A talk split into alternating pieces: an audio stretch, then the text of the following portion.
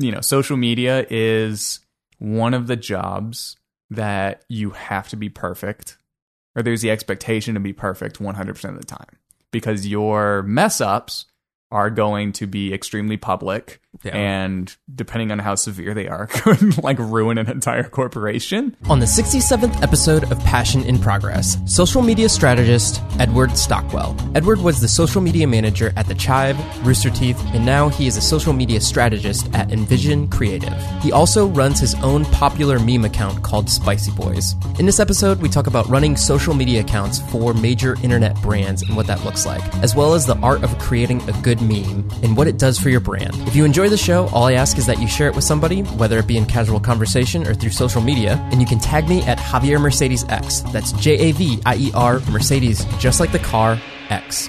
What is up, Mercedes? Javier Mercedes here for yet again another Passion in Progress show where we talk to inspiring individuals and hopefully through hearing their stories, you too are motivated to go out and pursue your passions as well. And I could not be more excited to talk to the one, the only Edward Stockwell. That How's it is going? true. Hey, how you doing? I'm happy to be inspiring. That's, I don't think that's the first. That's the first for me to be inspiring. I wanted to have Edward on because a lot of people that listen to the podcast are creators. They're in the social space and there could probably be nobody better to talk to about social media that like you spend, um, in a good way, like you spend your life in the internet looking at the social space. Oh, do I? I'm in my 20s and I have a lot of gray hairs, and yeah, that's why. So just to give a little background on Edward, you were at the Chive as a social media manager. I was. Um, then went to Rooster Teeth, correct? I did. as another social media manager, and now you're at Envision Creative, correct? That is correct. And you're also doing something within the social media strategist um, at Envision Creative. Yes. So if you don't know anything about either the Chive Rooster Teeth or th- like that whole space, could Sure. you give like a little rundown of what those are so people can get the capacity of what you did? I like to explain that like Rooster Teeth and the Chive are extremely similar, but in like very opposite spectrums. Um, at the you know what I mean? Like at the end of the day, they're both these like massive kind of like homegrown brands Yeah, that have like extremely passionate followings um, and communities. Now, what they on the internet. on the internet. This is true. um, yeah, one of them was a cult. Both of them are cults. I mean, they kind of are. But yeah, at the end of the day, they're these, you know, just locally grown. Not well, Rooster Teeth was locally grown. The Chive obviously um, moved here, but you know, these small, eventually giant brands uh, with these cult followings. They both differ in terms of content. Obviously, um, one is more video focused, um, and one was more kind of digital publishing. But same thing at the end of the day. Yeah, and you are managing the social aspect of I'm both talking of those. to their rabid fans. hmm Mhm. Rabid in a good way. Rabid in like we just love this thing and we want more of it. And so you're kind of the mouthpiece speaking to them on behalf of like the entire company. And what's extremely scary about that is you're kind of representing you know because people don't think of it as like the brand as like this faceless organization. For those two brands it's a lot of people behind it. You know for the chive there was like Mac and like john obviously. Leo was part of it. Um the different phase rooster teeth even more so. There's like more you know on-screen talent. So they don't think of it as like this is rooster teeth speaking. This is like an amalgamation of all these personalities that i know. Like this is them speaking you know? So kind of break down what your job would be. Um, are you managing Instagram, Facebook, YouTube, Yes. like all that Yes, kind of yes, stuff? Uh, like, yes, yes, yes, and yes. But um, how does that look like on a day to day basis? on a day to day. So at the Chive, I mean, the end goal, what I was pretty much judged by was two things. I think that was audience growth, um, and that was actually driving traffic to the site. Because at the end of the day, how is the money made? It's by getting eyeballs on on the website, right? Um, so that involved. I mean, we were posting, I think, to Facebook 20, 25 times a day. Jeez. Um, and then we had kind of it varied depending as people on social know, like Facebook's algorithm changes. Um, but the percentage of like links to you know native content, aka memes and videos. Um, that's the fancy word of something you're like, oh, native content, like memes. Um, so the percentage, I guess, or the ratio of like links to that, we did, you know, probably seventy five percent, sixty percent links, and then the rest content. hmm Um, and so organizing and packaging the content that the writers are making on the Chive onto Facebook in a way it is very different talking to the Facebook audience than you are the the website audience, right? So you have to package things a little bit different for social. So different thumbnails, different headlines a little bit, different descriptions. Can you give an example? What, what was like a post that you did that was like really awesome um, coming from like maybe the Chive and then like you drove a lot of traffic from like a Facebook post? You think about something like Cat Saturday, Mhm. right? Um Already sounds internet savvy. it already does, but I mean that's a very specific like Chive branded thing. You know, it's Mhm. Cat Saturday. That was Mac's post every Saturday. That was just funny pictures of cats, right? um, but and it would also one of the things that we were always going back and forth was is that on the Chive you have the parentheses, you know, like twenty three photos or whatever, which is a very like early, not early internet, but early kind of 2010s thing, and that's a Mhm. very but like website thing to do. But on social, it doesn't look right, and pe- that's kind of an antiquated thing for like Facebook. So we want to like you know take that away. You know, how do we turn Cat Saturday so it's like okay, people think now of like the listicle style, so like 27 photos of cats that you need to see right meow or something like that. So just just to break down for the audience that um uh it what he's talking about is on the website it would say Cat Saturday in parentheses twenty three photos Sure. or twenty seven photos and then what you're saying is you need a more clickbaitable title. I need a more clickbaitable. Now, clickbait is an interesting term because there is 100% of clickbait. And what I learned there, especially, was the difference between, I guess, clickbait and like click enticing of the click. You know what I mean? Like, clickbait is promising something that isn't going to happen, right? So, you know, if I was like 27 photos of cats that will make you stand up and cheer or whatever, you know, you see mm-hmm. those that are on the internet. It's like, I was sitting down when I saw this, but by the end I was standing and screaming or whatever that. It's like, okay, that's not going to happen. So that's, that's kind of my definition of clickbait is over promising something that definitely isn't going to happen. You're not going to be crying at the end of this. You're not going, this isn't the best thing you'll ever see in your life or whatever, that kind of thing.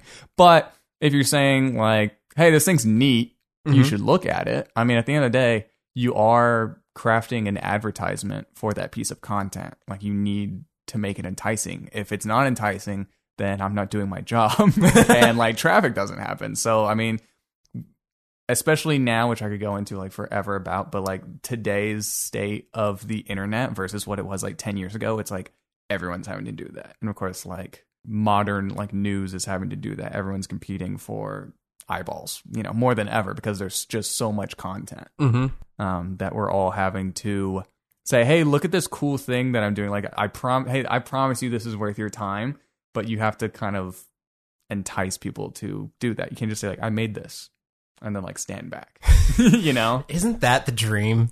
I- would it love for that be, to happen. yes. I wish it was so easy because I see a lot. I have very talented friends that I feel they make really cool stuff, and then they like send it out there, and then you know nothing happens. I'm like, dude, everyone should see this cool thing. Mhm. Um, like this podcast. um, everyone should see this, this cool thing, but you you know, marketing more than ever is is just super important. From the beginning of when you started Uh-huh. to where you're at now in your career, how much of an impact have you seen the switch from websites being their own island of content, a content pillar, I, I think, as you put it, Mm-hmm. as opposed to we need to make content specific material for platforms?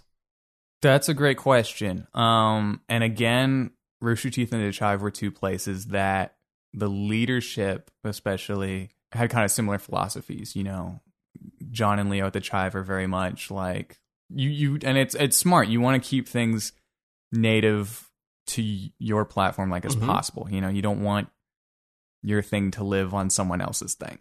Uh, Um, ju- just to, I'm, I hate, Oh, yeah, sure, I- No, but I hate I hate cutting off the guests. But just to let people know, I think it was episode 15. I actually had Okay. John, um, the co-founder of the Chive, on the podcast, and we did talk about this, owned and operated. I think that was one of the biggest aspects of that conversation was like the power of you may not have as many numbers, but the actual audience that you do have is like ah, like it's it's like stronger. You there. want that niche. Um, and Rooster Teeth, uh, one of their co-founders, Bernie Burns, always says a lot. Um, never build you know your business off of someone else's business. You know what I Mhm. mean? Exactly. Um, so you know, a lot of people who build their businesses off of Facebook, um, you know, kind of are going away or have at least dwindled ex- extremely. I mean, we saw so many digital publishers in the past four years, five years, just completely go bankrupt. it's hard for me because I, I know exactly what you're talking about, but can you Uh-huh. give some context to Sure. the viewers that Um, don't know? So let's say five years ago, you know, Facebook was the, the way the algorithm worked is that, you know, if I was a publisher, let's say the Chive, even though this isn't really exactly the case of the Chive, but let's say I'm the Chive and I, you know, am posting my links. More Some people, dank memes? some dank memes, um, or just just my articles to my site. Facebook is rewarding that many, many, many times over back then than it is right now. So more people are seeing your articles. Eventually, Facebook just kind of turned the faucet off and was like, okay, we're going to have this algorithm shift that says mm, a fraction of the people that were initially seeing your article, you know, are now going to see your articles from now on. And the way it works is unless your stuff is really, really good and a lot of people like it, then it's it's just going to go out there and kind of fizzle, or we're just not going to show it to people. Um, they wanted to make Facebook more about you know your friends and your family and stuff like that, which is which is on the service level a very admirable Mhm. you know motive, but to you know news outlets and Publishers. publishers and stuff, it was you know uh, the nail in the coffin almost. Wasn't it too that, and this is me speculating, Mhm. that their uh, monetization strategy was that if you want more eyeballs on this, Uh-huh. spend money on it, Oh, and for then sure. it, and then it will go out. So can you explain that? For sure. Um, so I mean, you can obviously buy um, boosting, I guess, for content on Facebook. So I can pour in a couple hundred, couple thousand dollars behind a piece of content to get more eyeballs on it. Mhm. Um, and depending on how much you spend, the more people will, will see it, right? Because right now, um, even though it's a secret algorithm that no one knows about, what the perceived way of it is is for simplicity's sake. Let's say you have ten people in your audience, right? Actually, let's make it hundred. um, you have hundred people in your audience. Uh, you post something. Mm, one or two people are initially going to see it on their news feed, and depending on how they react to it, it'll get pushed out to a few more people and a few more and depending on how how they react to it then facebook says okay based on this initial you know 10 out of 100 people you know six of them really liked it. It must be worthwhile content now. Let's kind of push it out there. Um so you kind of have to be hitting home runs almost every single time. And And you're and you were publishing something like twenty pieces a day. exactly. Mhm. so all your stuff has to be good. And so that's what, you know, the strategy of like, okay, why post memes comes into play. Because then, you know, memes, photos, and videos are weighted better in Facebook's algorithm. So, and just generally people interact and share memes a lot more than they do, you know, pieces of written content. So you kind of, we called it feeding the beast. Um, so you'd have to crank out a meme um, that resonate with a lot of people in order to lift your standing in Facebook's algorithm. Because then they go, okay, well, they just published this piece of content, which was a meme, and everyone really liked it. So, you know what? We'll give them benefit of the doubt that their next thing that they post is going to be pretty good. And so it'd be an article. And so that one would perform a little bit better than if you hadn't posted a good meme. You know what I mean? Wow.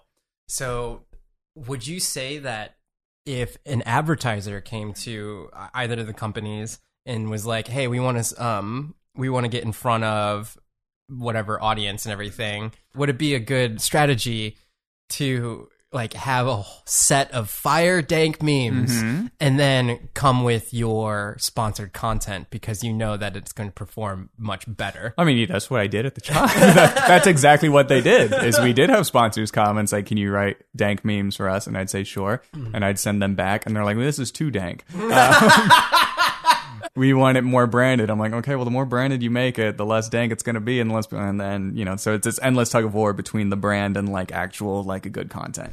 actual Um, dankness. an I love this. This is one of the best conversations I've had on the podcast. Facebook. Uh, uh, were you doing stuff with Instagram as well? Oh, of course, yeah. I ran the Instagram too. I ran where we had Snapchat, Twitter, um, and then I would upload stuff that y'all would send me from YouTube. So But let's get into Instagram because I feel like that's the hot kid on the block right now. Yes. Uh, what Is it a lot of similarities between what we were just talking about with Facebook to Instagram? What would be a content strategy there? Sure. For, a, for like those big brands. Yeah. So, I mean, Facebook obviously lends itself more towards, you know, my big KPI, key performance index. Um, Thank you for explaining it. Yeah. you know, my, you know, to-do list, I guess, of driving traffic. Instagram, you can't really do that too much, or it's not built for that, right? So that's more of a strict brand play. That's a straight up kind of audience play. Um, so for that, it was get more people to at least be introduced to the Chive to like the Instagram, and then they like what they see. They get more involved with the brand, blah blah blah. Sell T-shirts that way. Instagram's great, as you know, for selling you know e-commerce and like products and stuff. So the Chive really was a big play on the Chive's Instagram. But yeah, I mean that one's just pretty much straight up videos, memes, and then I guess photos of pretty ladies. You could once they introduce Instagram stories and like the whole swipe up feature, um, you could drive a little bit of traffic that way, and we would make these kind of vertical graphics that moved or whatever, and you know it'd be Yeah. yeah. Um, they'd bounce and be like, "Hey, Cat Saturday" or whatever, like swipe up for more cats or whatever. Um, but yeah, at the end of the day, I think Instagram's a big just branding play, right? It's this is what I'm about, and then hopefully you like it, and we'll go over to my, you know, actual playground. you know? hmm Can you talk about uh, one of your recent articles that you wrote about the what you post to social and what not to post? Yeah, I mean, so depending on your business, um, there's a whole myriad of things. I mean, I, obviously not everyone should post memes. Um, although I find myself tested by my own theory because there is a, uh, I forget what it is, the United States, I guess, consumer safety like organization in the government like their twitter is awesome. And they post like these weird photos about with like flying vacuums and stuff like that. And they're like actual consumer safety guideline tips. It's this very antiquated like branch in the government that is like actually posting like pretty dank content on twitter. And it's like sort of working. Um I, I love talking to people like you because you have a really good finger on the pulse of that kind of stuff. Like, like now I actually am really interested in. I'll look it up. I'll send it to you. Um, but yeah, look it up. I'm sorry. That's the like U.S. consumer safety whatever. But yeah, they do like dank memes, and it's definitely something that I wouldn't think should do memes. yeah, yeah, I mean, you kind of have to figure out like what what are you trying to get from social media?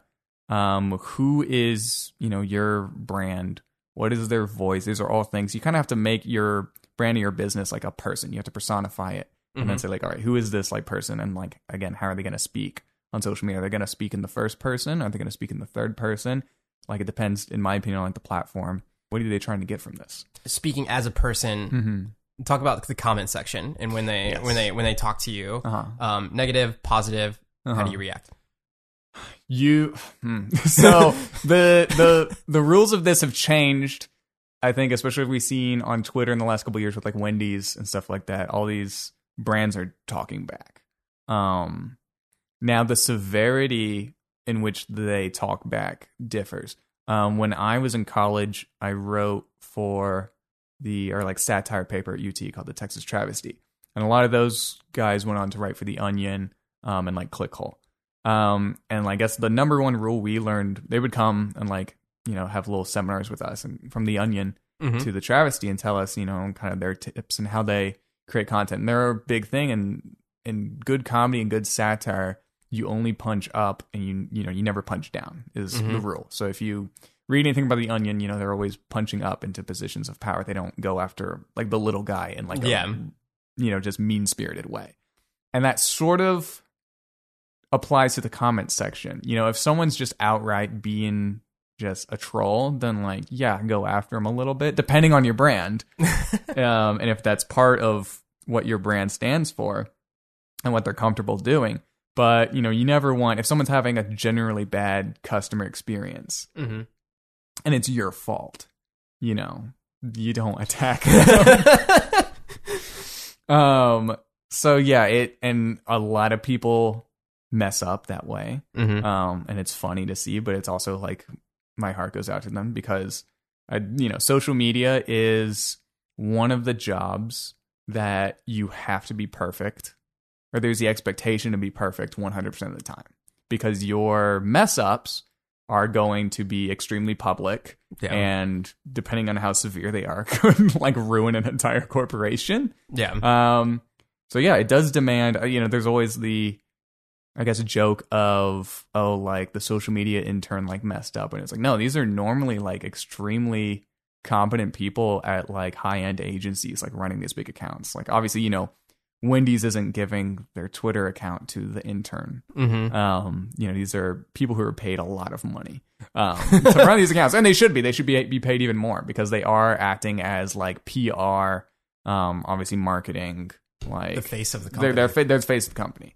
Um, their internal advertising, um, yeah, and their their PR. They might cause PR, but they're also you know taking care of PR because what is community management if not some form of PR? What's your stance on a person being a face of a company in the Mhm. circumstance of their social or a brand just kind of being a brand? And I don't, if you could think of an actual example of both, because Sure. if I'm thinking of Nike, I can't think of No, the actual person that Sure. that has like is Nike's person, but I can think of like the shoemaker that's in like a lot of documentaries and like there's other people like associated with the brand. And then when I think of like T-Mobile, I think of that guy in the apron with the pink like Mm-hmm. Yeah. like that like I I feel like the I know the face of that brand. What, Yeah. what is your opinion on personality of a brand? It's a good question. Um, and it's something that in the past couple years, I think launched by Moon Pie and a lot of like food brands. I don't know. Um, what, what's Moon Pie? Okay, so Moon Pie is, you know what a Moon Pie is? Like the uh, No, classic, like early 1920s, like chocolate Oh. cake snack Oh, or whatever. okay, okay. They're still around. I think it's what is it? It's a, like an oatmeal kind of cookie with like the cream in the middle Mhm. called Moon Pies. A very old snack, very antiquated food. Um, and I forget the agency that started running their account, but they started taking off by basically personifying Moon Pie. And I like think of it, you know, in 1984, the book, you know, like he learns Yeah, the word George Orwell. I, the the terrible id. Mhm. It's like brand Twitter, like learned the terrible id and like learned I, and instead of again like speaking in the first person, um, and the brand wasn't this amalgamation of like this faceless people or it became like one singular person like who was nameless it was just moon pie like i am here you know what i mean like so um one of their big tweets was during the um i don't not depression the recession um no not the recession i'm sorry the government shutdown in like 2016 or 2017 um NASA's Twitter basically they couldn't run anymore like legally I guess during the, The um, government shutdown. The government yeah, shutdown. Yeah. And so they like tweeted out like, okay, during the shutdown, you know, um, we apologize, we won't be answering any um of like your questions or whatever. And then like Moon Pie took that tweet, like quote tweeted it, which means like retweeted it, and then added their own caption, just like, "Yo, well, like NASA's down, no way, I'll be here answering all of your moon related like questions," and like it took off. Um, and you just saw, especially in that example, the difference between NASA speaking and we, like we as the company, and then like Moon Pie's like, "I'm here." um, Kick and spoke pretty much like that. the Yes, 4-4. yes. Like I was just like, "Yo, like literally, yo, I'm here. I'll be answering any moon related questions that you may have at this time." Um, my a good friend of mine who worked at the Chive, Mac uh, McCann, uh, runs Pluckers. He's the Pluckers social guy. Um, and in a very similar way, Shout out if you are Yes. not following Mac on Twitter, you should. Yes, Mac is a very smart social media person as well. Um, Pluckers is a great account um, and has definitely leaned into that personifying Pluckers. Um, no one, you know, who follows the account knows it's Mac, but you know, to them, you know, Pluckers loves listening to like old school like UGK um, and like tweeting about rings. And is you know speaks in I, and it's just you know he'll send something out like please like this so I can show my bosses I'm doing like a good job or whatever. like it's a very like it's it's a very like bold strategy um but it pays off and so we're kind of in the era of like what a lot of people are calling like brand twitter and that's what you see with like the wendy's like quote unquote like clapbacks and like you know the recent feud between like chick-fil-a and popeyes Mhm. um For the YouTube crowd that follows, I think one that's relatable is Burger King and Casey Neistat. Did you see that? i'm a little bit familiar but So I could get be getting this completely wrong, but I think Casey Neistat tweeted out or he made a video on YouTube or something like that about how somebody from Burger King went back to like 2011 or something like that and liked one of his posts. And he was like, "Oh, is this like a fake Burger King account?" But it was like the real Burger Oh, King wow. account. So what he did was he was like, he retweeted back. He was like, "Why you re like? Why you liking my post from like 2000?" And it was like Yeah. a random post. Sure. And so then that caught fire. And then what Casey said after he made a YouTube video about it, he was like, wait a minute. They're like using me because now that I've brought attention to Burger Yeah. King, we now we're having this like, and it wasn't really a feud. sure. In um, back and forth. Yeah, it goes back and forth. He's like, wait a minute, I, like I want to get paid for this. Yeah, he just gave them. yeah, he played yeah, himself. Like, so, I mean, he, yeah. super. Yeah, so he made a YouTube video about it. He doesn't like eating that kind of. food. He doesn't like eating Sure, fast fast food and food, yeah. everything. He's like, look, if you don't pay me, but like donate to like some charity, and this is the part that I may be getting wrong, and you can go look it up or whatever. But I think it's like Burger King ended up like paying to a certain charity, and then he like ate a Big Mac on screen or something like that. But That'd like, be a Whopper, the Big Mac. Yeah, or sorry, not Big McDonald's thing. No, you're um, given all the, but yeah, it was it was a Whopper, and uh, and then it would like all made equilibrium. Yeah. It made it all right, but uh, I, I I appreciated the fact of like Casey totally turning it on its head and being like, "You people just totally But- like calling me out on this." You If know? I well, he he called them out first, didn't he? Because he was like, "Why did y'all no, like no, no, tweet?" no, Or- exactly. So he called them out, but in a sense, they're both like elevating each other For sure. in, in Yeah, the, yeah, yeah. in the limelight. Yeah. Um. I mean, he gave them publicity, and it was like, "Hang on, wait a second. exactly. Yeah. Wait a minute. Um, that happened to um Mac from Pluckers. Um, tweeted something out, and then Jake Paul tweeted at them, um, or and was just like, um, like, yo, can you hook me up with like some like free wings or something like that? Um, and Mac then probably went did some awesome. well, and then Mac went to as Pluckers went to Jake Paul's Twitter, blocked him, took a screenshot of like Pluckers be- blocking Jake Paul, and then like retweeted and said like no, and it got and it got like hundred and twenty thousand retweets and like jumped them up. So how much of your job is just having a pulse on what the internet is doing? all the time is the point where I'm just I don't know. Look, I mean, here's the thing: I don't. I try and like limit my time on the internet. Like I'm not a big redditor, um, because I feel like once you go down that wormhole, you'll just be on the internet twenty four seven. Um, I feel like I have a good pulse on you know what's trending, what's a meme, what's about to become a meme, and so there's also that like thing too is if you're a brand, like when do you jump in on the meme? if it's too early and no one knows what you're talking about, then it's like, okay, that was kind of a weird tweet. But if it's too late, then people are like, ah, you're just trying to jump in on this, like being a dead horse. So we were we were on that three days ago. Um, you know, you might try and create a meme out of something. Um, but yeah, there is definitely this kind of you know back and forth. A sweet spot of Uh-huh. memeology. And it's interesting too because you know you were talking about kind of like publicity and stuff like the whole Casey Burger King thing. I mean, Netflix's whole strategy, like I felt I wa- I didn't see Bird Box, but I felt I watched the movie just because of how many memes and tweets there were about Bird Box. Mhm. And so they they're smart in terms of when they launch something like that, like heavily promote memes so that people need to watch it to feel in on the joke, right? Like, okay, well, I don't know what this is, but I'm going to watch it just so I can at least get the references. Mhm. Um, and that's a, you know, a huge strategy for them right now. yeah. Um, but it also goes against it because they'll have like good shows that they don't meme and then they get canceled because no one's watching them because they're not like a part of the, I guess, like internet conversation. So people are like, I don't feel like watching this because I don't. There's again, there's this extreme explosion of content right now just from every corner. And like we only have so many hours in the day. So a lot of really good stuff isn't getting, I guess, consumed because you know, I mean, I don't. What's your backlog of like shows that you need to that people have said, oh, you got to watch this, and I'm like, okay, like I'll add it to the list and I'll never get around to it, and I'm sure it's excellent. yeah. Um, but until it either like wins awards or like becomes part of, I guess, like I guess the internet conversation, and I need to like know it to get references and stuff, I'm probably not gonna watch it. So let's talk about something like Star Wars or Okay. a Marvel movie. Sure. When those came out Mm-hmm. and you were making memes about them, Mm-hmm.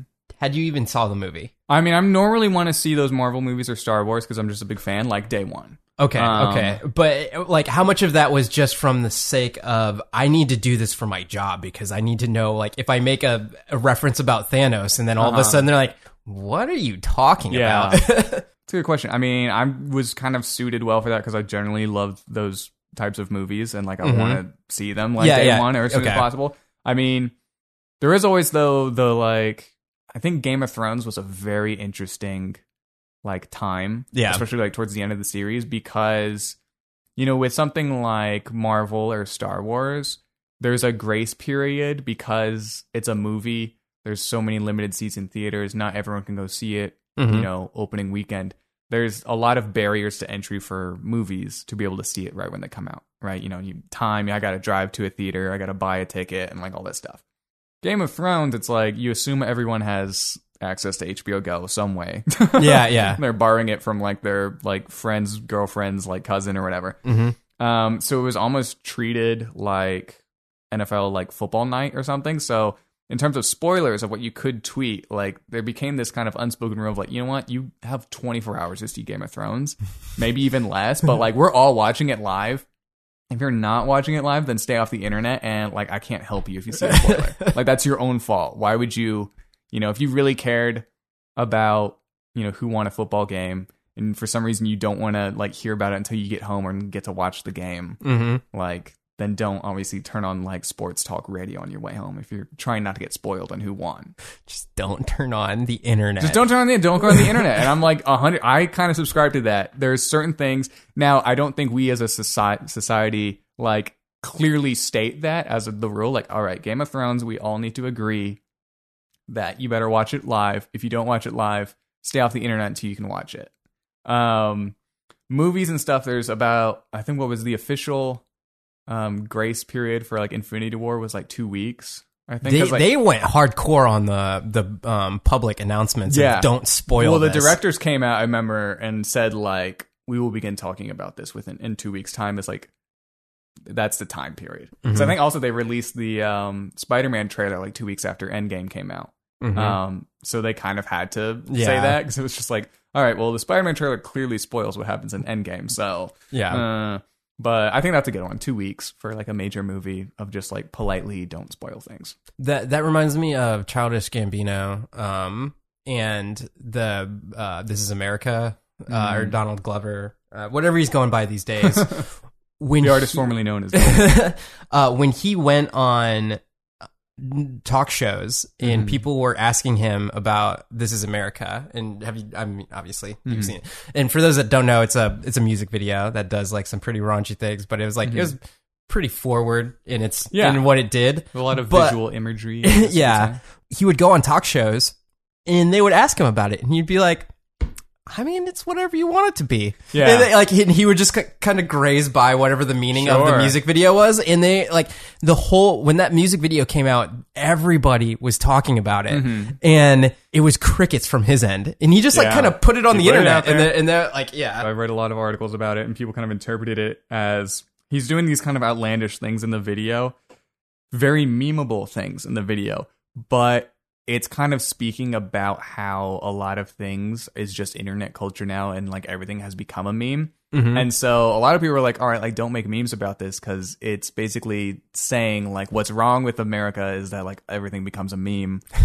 you know, there's a lot of other things Yeah. wrong that he's saying in that video, but you know, that's another thing. It's like it's all just like internet culture, it's all pop culture. Like, so don't meme this. And of course, people memed it because he intentionally, I think, made a lot of things like over the top and outlandish in that Mhm. like in a GIF form. It's it makes a great meme. And so when that vid- video first dropped, I saw a lot of you know people try and meme it, and then they would get backlash. It was like, no, like this is you're not understanding the actual video. This is, you know. So that was a very interesting, I think, time when that video dropped. Can you talk about Spicy Boys? I can talk about uh, Spicy Boys. I just want to get into a conversation of like what makes a great meme, especially for the kind of content that you're making for that page. Yeah. Because when I think of a cliche meme, and that could mean so many different things, Sure. but I, when I think of a cliche meme, you're making that kind of content for Mm-hmm. that Instagram page.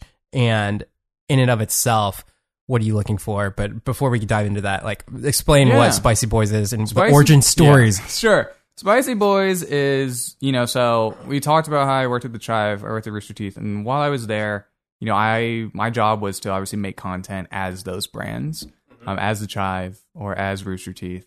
Um, and you know, before that and a little bit during, I had like a pretty active, I guess, like personal like Twitter account, um, personal Instagram where I would like try things out. But when most of your day is like making content, I feel like content creators will know it's like if you're making something for a brand like constantly all day, like you kind of don't have the time or like the like just brain juice to make stuff for yourself. You know, you're just like, okay, I'm putting all my everything and all my ideas on behalf of this company. That's why they're paying me, right? It's for my ideas. I'm not gonna like hoard, you know, my ideas and like, well, I'll give you the bad stuff because that's a bad thing to do and you'll get fired.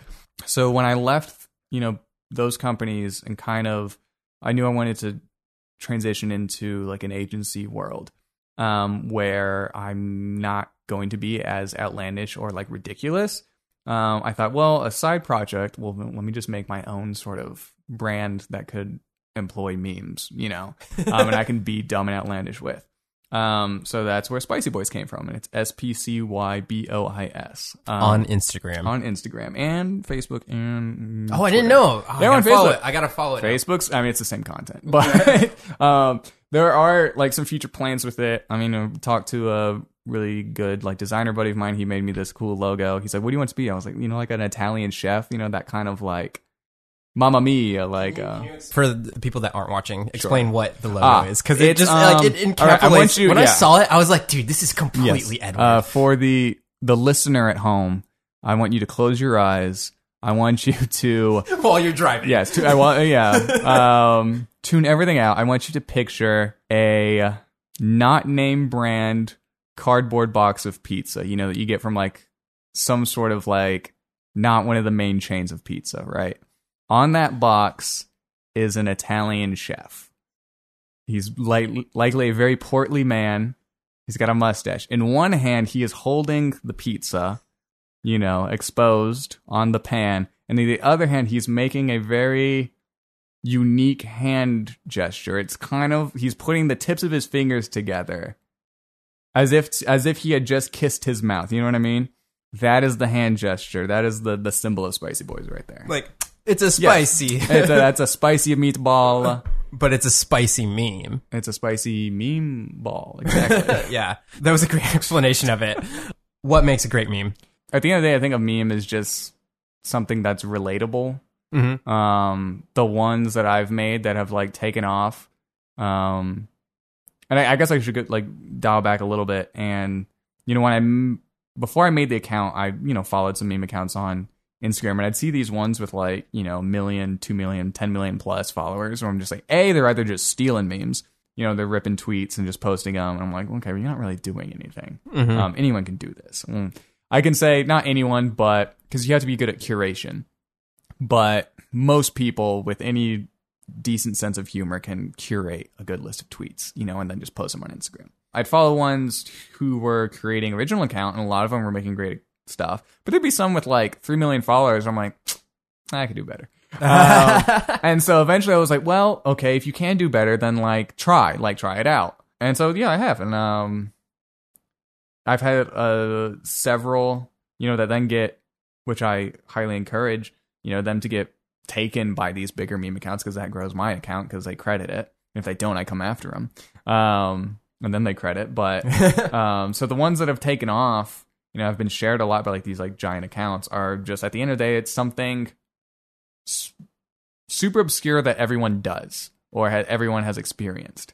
What you just said was a great definition of a meme. Yeah, it's just like you, you, it's. I mean, all of those now. I mean, we're in the, the meme phase where it's like when you blank or like Yeah, me when I or whatever. It's just, but whether it's it it hits a like the home run out of it now is like, is it something that everyone does? Because it can be too obscure and people are like, I don't know what you're talking about, or it could just be like too you know broad in general, and it's just like, okay, that's not that funny. It's the ones that are like, okay, I didn't I didn't realize that I do that, but now that you tell me that I do that, I know that I do that all the time.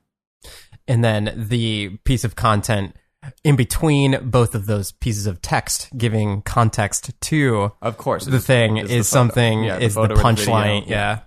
Can you explain the art? because I think this is a true art in in in uh in meme connoisseurage. We call it memology. Memology. I was like, sewerage is not a good word. Um, in memology, the art of creating the caption underneath the actual meme because you have to then come up with a whole nother punchline to the meme that you already Yeah. created. I don't think that's as important as the meme itself. When I see really good content Uh-huh. i- of a meme and then underneath they say something that's like the, Oh, the yeah. punchline of the punchline or say somebody retweets a meme but then Mm-hmm. they retweet it and then that the uh, the comment that they have of that retweet almost adds more gusto to whatever That's the true. meme was what goes through your head when you need to post the caption underneath the the meme that you've already thought about If you have to explain what the joke was, then it's not a good meme. You just kind of want to add maybe that extra, I guess, it's hard to explain, that add that extra layer that I guess supports what the meme was, right? So if it's something extreme relatable, it's another it's maybe something you would like a quote, like something you would say in that situation. Let, us give a specific example. Like, did you ever blah blah blah? The the guy walking in and the Oh, the of each- Jonathan Frakes thing. yeah, uh, can you give context of what the meme is so we can Sure. dissect how that? Because I thought that meme was so good. There was a there was a, a video that was unearthed um, via Reddit of there was that show with Jonathan Frakes from Star Trek. He was the side character. Yeah, he was one of the side ever- characters in Star Trek. He who had a nice head of hair, if you can remember. Yeah, like for the people that like deep can't. voice. Yeah, yeah, yeah. um, piercing blue eyes. Um, but it was him. They someone had cut together. I forget what the show is called. I'm going to get roasted for this probably. Um, don't clap back in the comments. um, but it was it, it, they started the show with like a mystery, and it was kind of like um. Twilight Zone, you know, he was kind of the um, what's his name, Roger, the narrator, guy, yeah. Rod Sterling, that was his name. Anyways, um, he would kind of introduce like the mystery or something that you're about to watch, and it would always kind of begin with a question. It was like he'd ride in on a mountain bike, like, "Have you ever gone mountain biking?" and like on a hot summer's day, and like this, these weird things. He's like, "You ever no. flown, like you ever flown a kite before?" And um, it was very bizarre. And someone just cut together him doing all those things, and it's just like him asking a bunch of questions. It was already becoming a meme, and my take on it was uh, it's parentheses, you know, returning from a week long vacation abroad, and then uh, customs and border protection is basically the one like asking all these like absurd questions. You know, 'cause, like, Yeah. when you come back, they're like, "What did you do? Where did you go? Do you have rocks on you? Like, are you taking any like foreign materials or like, you know, do you have seeds on you?" And all these absurd things. And that's kind of like what the Jonathan Thra- Frakes thing was in. That one kind of took off. Do you just like peruse the internet and then get an idea? I have a couple friends who they'll send me stuff, you know, who are I think redditors, and they'll send me stuff and like this is something. Sometimes I'll look at it, I'm like, yes, there is something there, and I'll never think of it. And then sometimes it's just like instantly, I'm like, okay, like boom. Sometimes I'll have to think about it, um, and they're kind of good test pilots of making something. I'll send to them. I'll send options because I'm like, okay, it's either this or this. Which one do you think is funnier? And they're like, oh, I like that one more. I'm like, okay. Mm-hmm. And again, not everything is a home run, and I have ebbs and flows. But I mean, sometimes we'll have weeks where it's like, okay, cool, like all the big accounts shared it, and I'll get like several thousand followers come in. And so my end goal is to eventually create a sort of native site to build an audience. That's what I'm doing is building an audience of people who like dumb stuff and like, I guess, my sense of humor, and then to kind of start my own blog about kind of dumb stuff and things that I like and then you know push people towards that and call it Spicy Boys. Um, have a couple friends work on it with me and stuff like that, and That's start awesome, our own man. blog. Yeah, make funny shirts, sell funny shirts. Are we Try to get money. uh, Derek, are we bringing this back to the beginning of the podcast? Maybe, maybe it's because maybe I learned things in my career and was like, I could owned maybe and try this. operated. Is that is that I what don't you're know. trying I think to? own and operate. I think you, yeah. I think I don't want to truly build Spicy Boys on someone else's platform, aka Instagram. I think that's a lesson to be learned. I think I want to. There's nothing wrong with building an audience on someone else's platform and then taking them somewhere else. Mhm. You know, Barstool Sports, um, for all intents and purposes, has done that. I think they built their brand off of social media, um, but it's still a very powerful, I guess, native brand. People now go organically to their site. How would you start to even do that? Because I feel like it's getting harder and harder. It is harder and harder. Um, I would probably start with ecom, make some like fire funny shirts that people like. Try and start. I guess yeah, you you kind of have to create the the lifestyle brand. I guess before they'll even read a word that you have to say. 'Cause That I mm-hmm. feel like you know buying a hat is less of a commitment than going. I've strange as it sounds than going somewhere and like reading something that someone wrote. Really? Yeah, hundred How, percent. how so? Well, I, I'm well knowing that your your background. I'm sure you have seen things actually back up what you just said. It's I feel like people today are like, that's funny, I'll wear that. But oh, I gotta go read someone's opinion on something. Like, nah. yeah, I have to. I'm not gonna sit down and like read your words and your opinions on something. But if you made something, like I'll consume that thing. I mean, I think shirts, um, and just yeah, ecom in general is just an extension of memes now, Mhm. um, or can be. Um, like clothing is content in a way now. yeah, a walking meme. Exactly. You're a walking meme. It's like, does this fit with my own personal brand identity? Um, yeah, I'll wear that. To do what you do as a as a memologist, Sure. how much of it has to do with having a good understanding of people? That's a good question. I think just does someone like get how people work? You know, like not even to say that they're a people person because I am like a little bit of like an introverted extrovert. Like I don't come out unless you know I know you a little bit. I ask know? you, to be on a podcast. Exactly. Well, there's, there's no one else around me, so I'm like, you know, I'm like, okay, this is this is fine. Yeah. Like being on camera for me is fine. But like being in like a small crowd of people to me and being like, hey, go talk to those people. I'm like, no, I don't do that. um, please no. Uh, but you know, I I do think I under like get how people work. Um, so yeah, I would say like, are do they just understand how people work? Like, do they have like general, I guess like social skills? But at the end of the day, that doesn't always make you good. I don't know. You just gotta you just gotta notice like little things. well, like, what are the intangibles, man? That's what. I, I don't know. It's I, I'll tell you this: when I got hired at the Chive, it was right out of college. Um, and Dave Welch, who hired me, um, you know, I hadn't worked. I I shouldn't have gotten that job based on you know my experience, which was essentially none. Um, he you know saw that I wrote for this humor magazine. He saw I was organized because I was like the station manager for the college TV station. Um, so he knew I wasn't like a I guess complete like klutz, you know, or yeah. um, A jabroni. and we had yeah, and we had you know like good rapport, and so he was like, "All right, like I can teach you, you know, how to schedule things to Facebook." And again, like people think that social media is like a skillless job. In it, I guess at its extreme core of like, can you just like schedule something to Facebook? Like, yeah, I mean anyone can do that because everyone is doing that already. You know, he's like, I can teach you how to schedule stuff and like work the tools and like read analytics and stuff.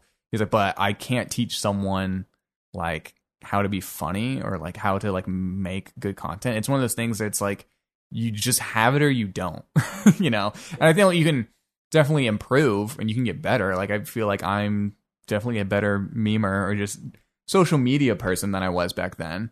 Um, it, it's just like, all right, do you get it or not? If you don't, I don't think it's a teachable skill to be like a good social media like content creator or a memer or whatever you want to say.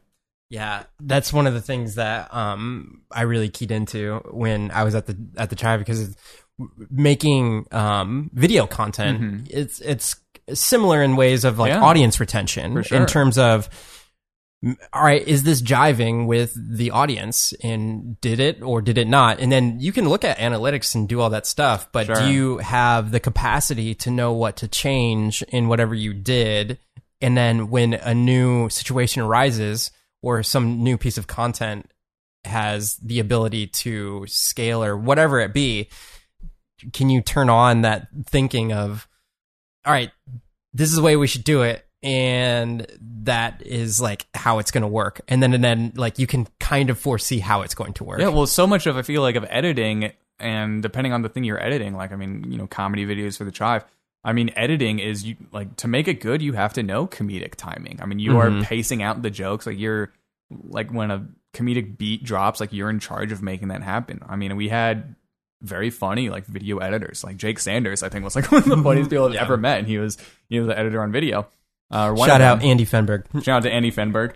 uh, he's Um, still there but he's like the guy that taught me everything i know Yeah, but I mean, I mean, it's it, like editing is if you are having someone who doesn't understand, you know, at least the basics of like comedy and humor, editing a humor video, like I don't know, like it might not turn out well. Like the the the core, the script could be great, but if it's just not edited right, then It falls flat, It falls, for sure. It falls flat. personally i remember doing because there's like different kinds of content at the chive and whenever i get like a com uh, comedy type of edit i would start putting my, my my mentality was is i'm just gonna start putting this together like chopping it up and then just like all right here's the basic concepts of I what I know you guys want.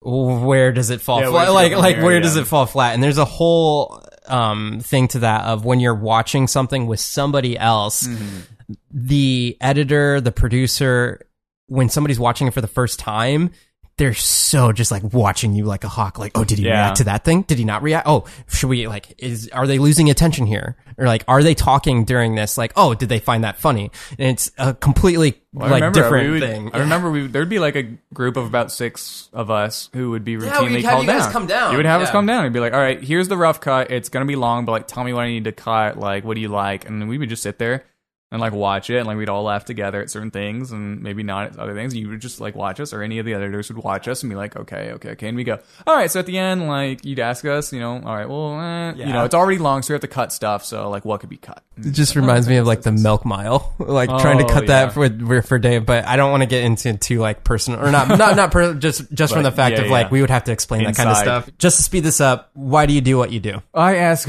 myself that every morning when I wake up. Why do I do what I do? When I was in college, you know, I went in, my degree was in radio, television, film. Um, and I initially went in, I wanted to be a, as I think like all movie interested boys want to do, is like, oh, I kind of want to be a director. Um, I either wanted to be a director or a screenwriter. And I took like one directing class. I was like, no, not for me. uh, I was like, do not like this. Um, it's good that you knew that then. Yes. um, and I took it early. I was just like, nah. Um, next, uh, I liked writing, um, and I took a lot of screenwriting classes. In one of the last ones that I took, I had just written a feature, and then we had just written like a spec script for like a TV show. So that's you're writing a script for a show that already exists, and you're like, all right, like Mad Men. Here's my episode that I would you know want to write. And we had a Skype session with a I guess Hollywood screenwriter. I forget what they had written, but they had like sold stuff. They were in Yeah. I guess quote the business, Yeah. and we were skyping with them, and I just like looked at them like, you look miserable, like you like look like, and you're doing well, mm-hmm. and you just look 12 years older than you are and just miserable and just sad. And I'm not saying everyone out there is or that if you scream are like you're gonna be like but I was just like, I don't know. That's like you know, I don't even know if I would, you know, make it out in LA. I didn't want to move to LA. I knew that too. So I was like, ah, that kind of sucks. Like, I don't, maybe I don't want that life, but I know I like to write. Um, at that point, I interned at Rooster Teeth in college. Um, and I was like, hey, this, you know, internet thing, like, there's a quicker turnaround. You know, there's less of a, you know, um, the tape around everything. So if you, you know, things work there, it's like, oh, we have a good idea for like a video, and it's like, well, we're the ones in charge of making the video. So like, if we think something's good, like, let's just do it. Um, there was less bureaucracy. Uh, it's the internet, so you can kind of do whatever you want. And so I went, okay, like digital, I think is the future. Um, it would at that point it already like was here, but I was like, okay, like maybe don't go into like traditional media, like Yeah. try this internet kind of thing out. Um, and so that's kind of where I focused on. And so I went, and at the end of the day, I was like, I just like making things that make people laugh or that make people happy. Um, I don't believe that like what I do is at all some sort of like grand betterment for like humankind. Like I'm not cleaning the oceans or anything like that. You know, I'm not really solving any major world issue. Um, I'm not curing cancer or anything like that. But I I go on with myself. Um, in that if I make something, you know, at the Chiver at Rooster Teeth for Spicy Boys, um, for any of the clients I work with right now, that like brightens their day a little bit, that they just like laugh and like show their friends and like this is like really funny. Um, this made me laugh today. I'm like, that's awesome. Case in point, uh, I mean, just where you're sitting at right now, like both my wife and I work right next to each other, and Mm-hmm. both of us, when we're scrolling Instagram, we're like, "Oh, did you see what Edward posted on Spicy Boys?" And like, and she'll be on a conference call, and I'll just like put my phone over to her, and then she'll be like, it's like start laughing on the conference call. But yeah, there you go. That's it. Yeah, I mean that's that's what I, th- I always liked doing. I was the kid in school who liked making people laugh. Like I'm gonna do that right now. If I can somehow do that professionally, you know, if I can think of a funny shirt to be designed that someone you know wants to buy, like I want that shirt because it's funny. Um, I think that's awesome. That's why I do what I do. Cool. All right, and then f- to get from let's say you're just graduating Sure. to where you're at right now, what pieces of advice would you give? don't be afraid to take smart risks.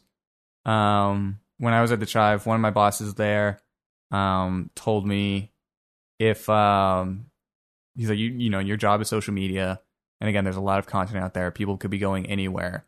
They want to see new stuff, and he's like, if I don't call you into my office, like at least once a month, and like show you something you posted and ask, what the hell is this? Then you're not doing your job right. Ah, there you go. And that's a scary thing to do. I mean, again, take calculated risks and be daring in a smart way, you know? Mhm. Um, there are so many ways to mess up in social media. And I, again, my heart goes out to them, but like I also love it when it happens. Like my favorite of all time, I think, is SpaghettiOs posted this. It's a like the guy, like the SpaghettiO mascot holding the American flag, and it said like like hashtag remember Pearl Harbor. And it was yeah, it was on the like Pearl Harbor anniversary. And it was like, why did SpaghettiOs feel like they had to post this? Like this is very weird. Um Veggie Tales also did one that was like remember 9-11 and just like the Veggie Tales like characters. I'm like, okay, that's strange. So I love it when it happens, but you just gotta okay, the second thing um is if you're typing something, if you have it typed, you're ready to hit send, and part of even 1% of you just goes, mm, I don't know about this, chief. Like, listen to that thing and just like delete it. And if it's under the orders of someone else, take it to that person's boss or them or whatever and just be like, hey, like, I really don't think this is a good idea. You have to like just trust your gut. And I've not trusted my gut and it's come like back to bite me in the ass in like major ways um, on social media. But I mean, you just gotta, if part of you goes, well, maybe if someone will look at it like this, they could interpret it in a different way. That's really bad. Mm-hmm. And you go, eh, I don't think any of them will. I think it's fine. Like it, don't post it. you know what I mean? I know exactly, exactly. There's so many. Um, I feel like there's a couple different posts that I've had. Uh, maybe even replying to comments or something like that, where I commented and it was like, one either I would like go to sleep and then I'd wake back up and be like, man, I shouldn't have said that, and then Yeah. like I'll go delete it, or uh, same thing where I was like going to post something, or uh, being in the video editing field, you just you get all of the footage. So Yeah. it's like you have to make decisions, and you are the last curator of Yeah. how somebody looks on camera and how they're presented in the world. So there's a lot of things that you could do or not do to present them in the best light, and there sometimes I like. I don't know if it's a good trait or a bad trait, but I'm very gullible. So Yeah, like, too. I'm very like, gullible. so I would cut things together, and then like even if I was screening them at the Chive, somebody would look at it and be like, "Wait, why is that in there?" Mm-hmm. Yeah. and I was like, "Oh, I didn't even think of it that way." Yeah, yeah, we should definitely take that Yeah, out. yeah, yeah. Like, yeah, there, No, yeah. yeah. there's definitely circumstances where that's a good, I think, yeah. great piece of advice. Always trust your gut and you will mess up. No one has a 100% like perfect social media track record. So you, you're going to mess up. Um, and it will feel like the end of the world and that the walls are closing in around you. Mhm. Um, but I know I've been lucky that all the companies I've worked for are like, yeah, it happens. It's fine. yeah, Um, and just like learn from it. Um, I haven't messed up, I guess, too bad. I thought I did one time, but I still had my job, so it was fine. uh, where can people find you? Um, they can find me on Twitter uh, at Edward Stockwell. I got lucky when I made my Twitter account because I have a like somewhat unique name, Edward Stockwell. There's not that many, but there was a there was a guy who was Edward Stockwell on Twitter, but he for some reason chose at Stockwell Edward, and I was like, all right, you had Edward Stockwell, you didn't go for it. All right, my, I'm gonna take it. So I think I'm at Edward Stockwell on pretty much everything. And then Spicy Boys. At Spicy Boys on uh, the the three major ones: Instagram, Twitter, Facebook. and can you spell it one more time for Yes, that is S P C Y B O I S. us? And look for that hand Look gesture. for the hand exactly. I'm pretty pri I think my Instagram's on private. Um, Twitter, um, I like to tweet a lot. Twitter's my favorite. I love Twitter so much. Can you explain the? Because I kind of know, but explain the reason uh, reasoning behind why you have a meme page that's private. Sure. So I used to have my meme page private. Oh, okay. Um, because and giant ones are doing it now. But you know, if someone sends you like a meme or whatever and it's private, and you're just like, "Ah, I guess I gotta follow them to see it. So it's just a way to build an audience over like proven, I guess, statistics of like if you're trying to grow a page. It depends on the page. I mean, I wouldn't recommend if you're like actively if you're trying to sell people things, like don't make it private. But if you're just trying to entertain or show off content, try privacy up for a little bit. Um, see how it goes. I mean, yeah, we saw an uptick in in followers when we were private. So, but it's open now. Um, because at this point, um, it's pretty popular. Uh, so when people are coming in, you know, I want them to just be able to like follow uh, the account, and that also helps because people come in, then they scroll through everything, and they're like liking a bunch of different stuff, so that kind of like helps the page out and stuff. There you go. If you are looking for some dank memes, Thank look you. no I can't further. promise. I can't. pr- It's like the uh, what is it, Anchorman, the Sex Panther thing. It, like, we're, they're dank like sixty percent of the time, or hundred percent of the time. so yeah, can't promise hundred percent. All right, guys. If you did enjoy this episode, and I think we brought all the value in terms of memology, Yeah. uh, and just a little episode. peek behind what goes into a like a social media type of brand, um, in terms of what their social strategies are. I think it's like some really cool stuff that we talked about. So if you did enjoy it, and speaking of sharing, you could share out this podcast with a friend. You could tweet it. You could. I don't know. You know what? You could write a handwritten letter with the URL and send it to somebody. That's a a gift we don't get enough. The handwritten like letters. Uh, but anyhow, thank you so much for coming on the show, Edward. you, man. And until next episode, live a life of abundance. And I'll see you guys next time.